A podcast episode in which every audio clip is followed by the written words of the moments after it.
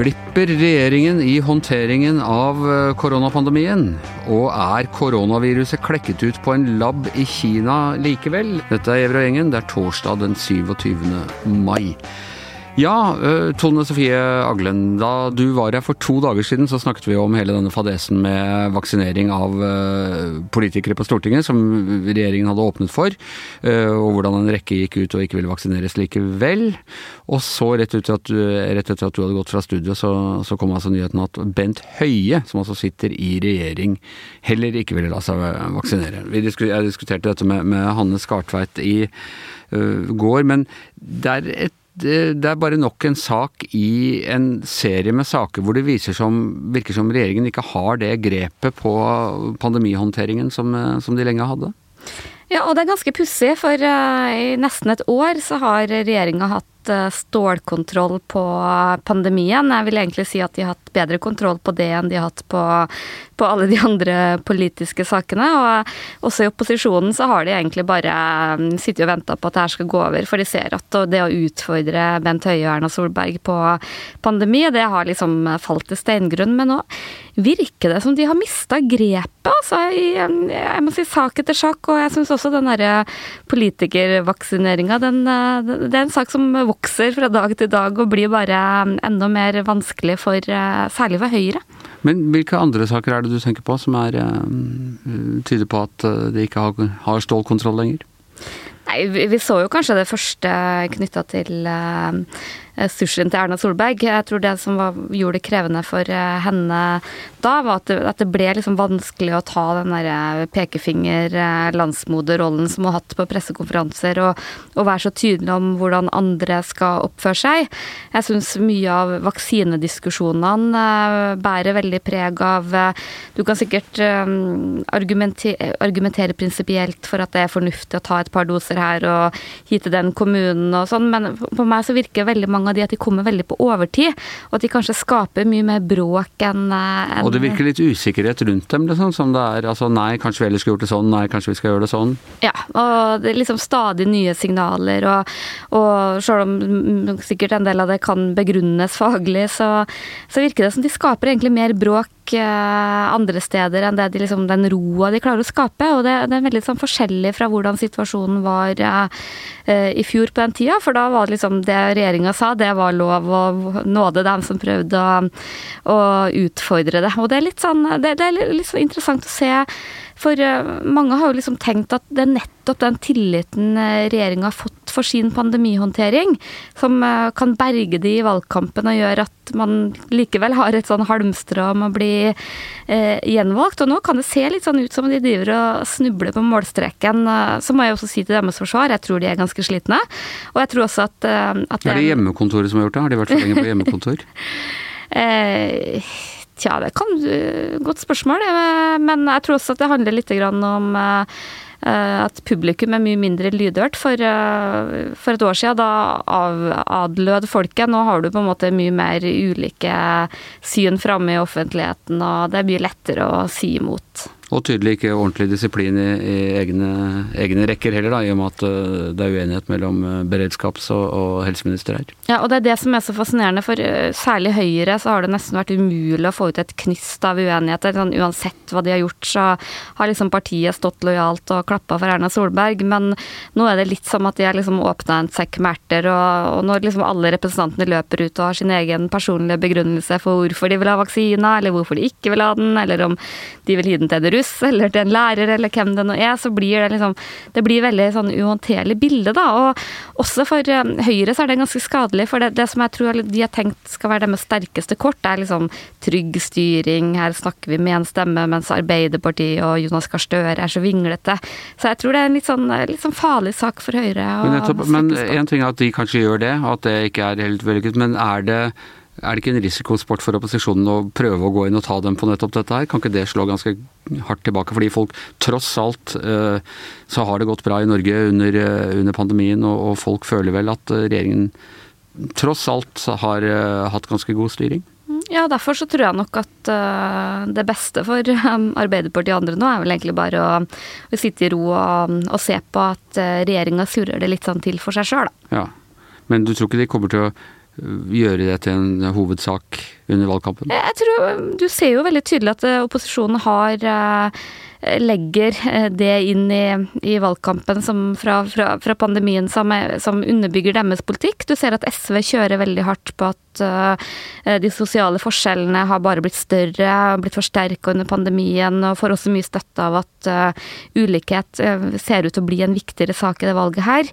Arbeiderpartiet snakker om arbeidsledighet, de snakker om, også om forskjeller, mens Høyre vil snakke om kunnskapshull i skolen, de vil snakke om næringsliv som blør. behov behovet for å skape jobber. Så KrF vil snakke om de ensomme eldre som har sittet alene, som nå skal få Så, så jeg tror liksom hvert enkelt ja. parti prøver liksom å finne liksom sin bit i En egen koronavinkling. Ja. Ja, ja. Kommer, de, kommer Erna til å tvangsvaksinere Høie? Erna har vel veldig lite Uh, Holde han fast i et jerngrep og bare kjøre sprøyten inn i armen på han? Hun kommer nok ikke til å gjøre det, og det er jo litt det som er Erna sin stil òg. At hun Uh, bruker i hvert fall veldig lite sånn her, eh, kraft på å sette folk på plass og sånn, men det, det, det, som er så påfallende nå, er at regjeringa virker så lite samsnakka om den saken, som har ganske mye større sprengkraft enn man kanskje trodde. Ja. Og en annen ting som har sprengkraft, uh, Astrid Mæland, altså vi helt fra begynnelsen av pandemien så gikk det ut sånn advarsel, vi måtte nå være veldig forsiktige med fake news, vi måtte være veldig forsiktige med å spre konspirasjonsteorier. Facebook og Twitter gjorde forbudt å spre fake, uh, fake news eller ubekreftede påstander uh, og sånn. Og en av de tingene som Jeg vet ikke om dette ble spesielt uttalt at det var en, en fake news, men det var i hvert fall en ganske stor skepsis til påstanden om at uh, kineserne på en måte har skapt dette viruset.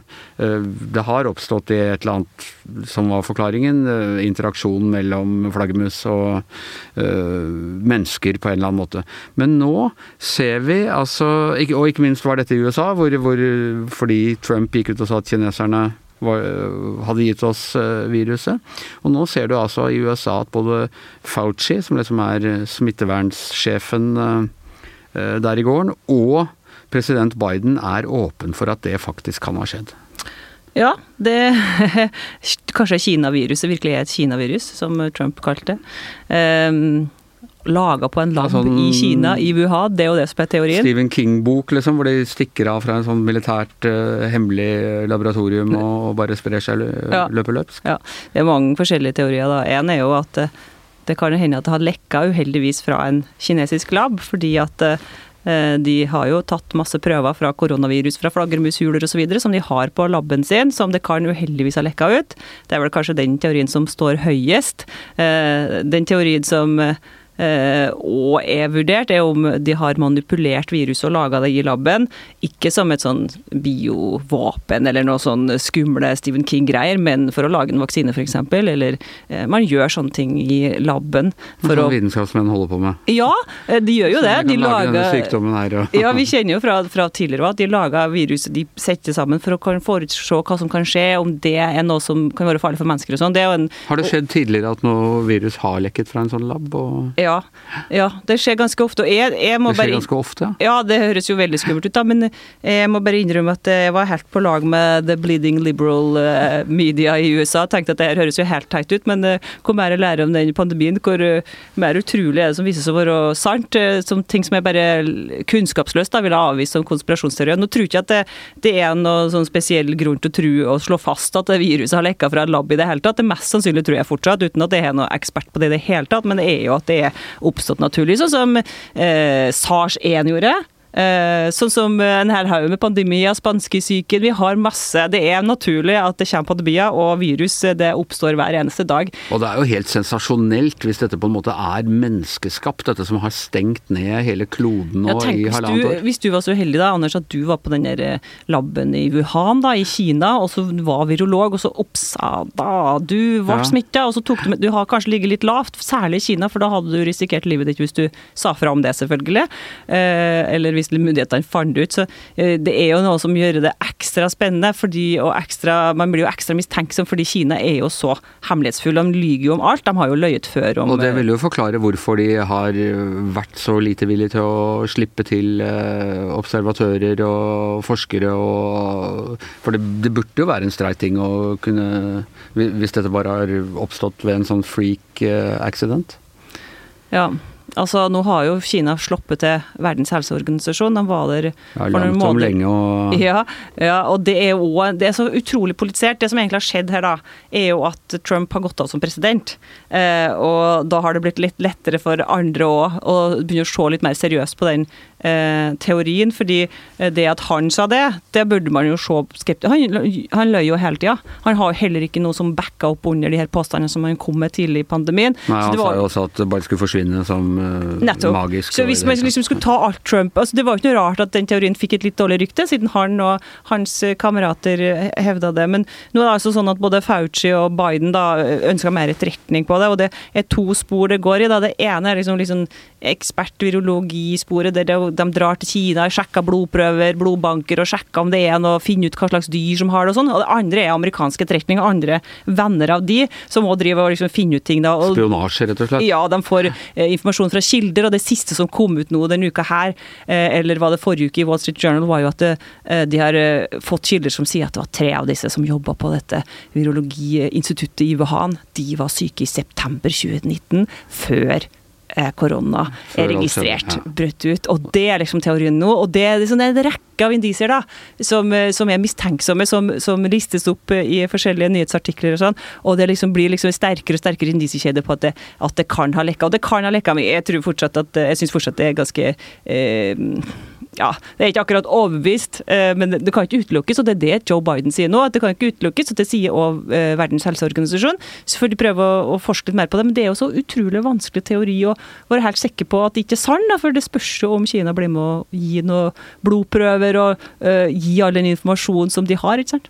Men jo vanskeligere Kina er nå, jo mer vil de jo da styrke mistanken om at uh, Ja, har vi gående i 60 år eller noe sånt, JFK-teorien. Vi har sånne teorier som lever lenge.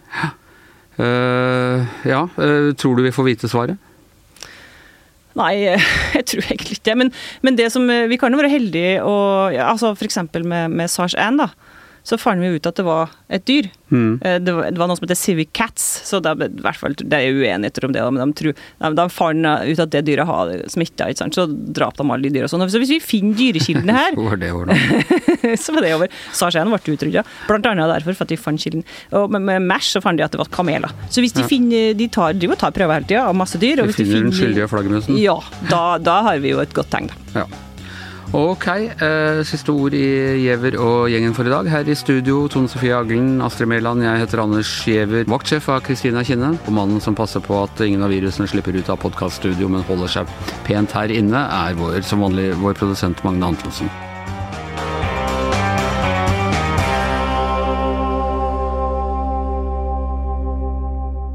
Du har hørt en podkast fra VG.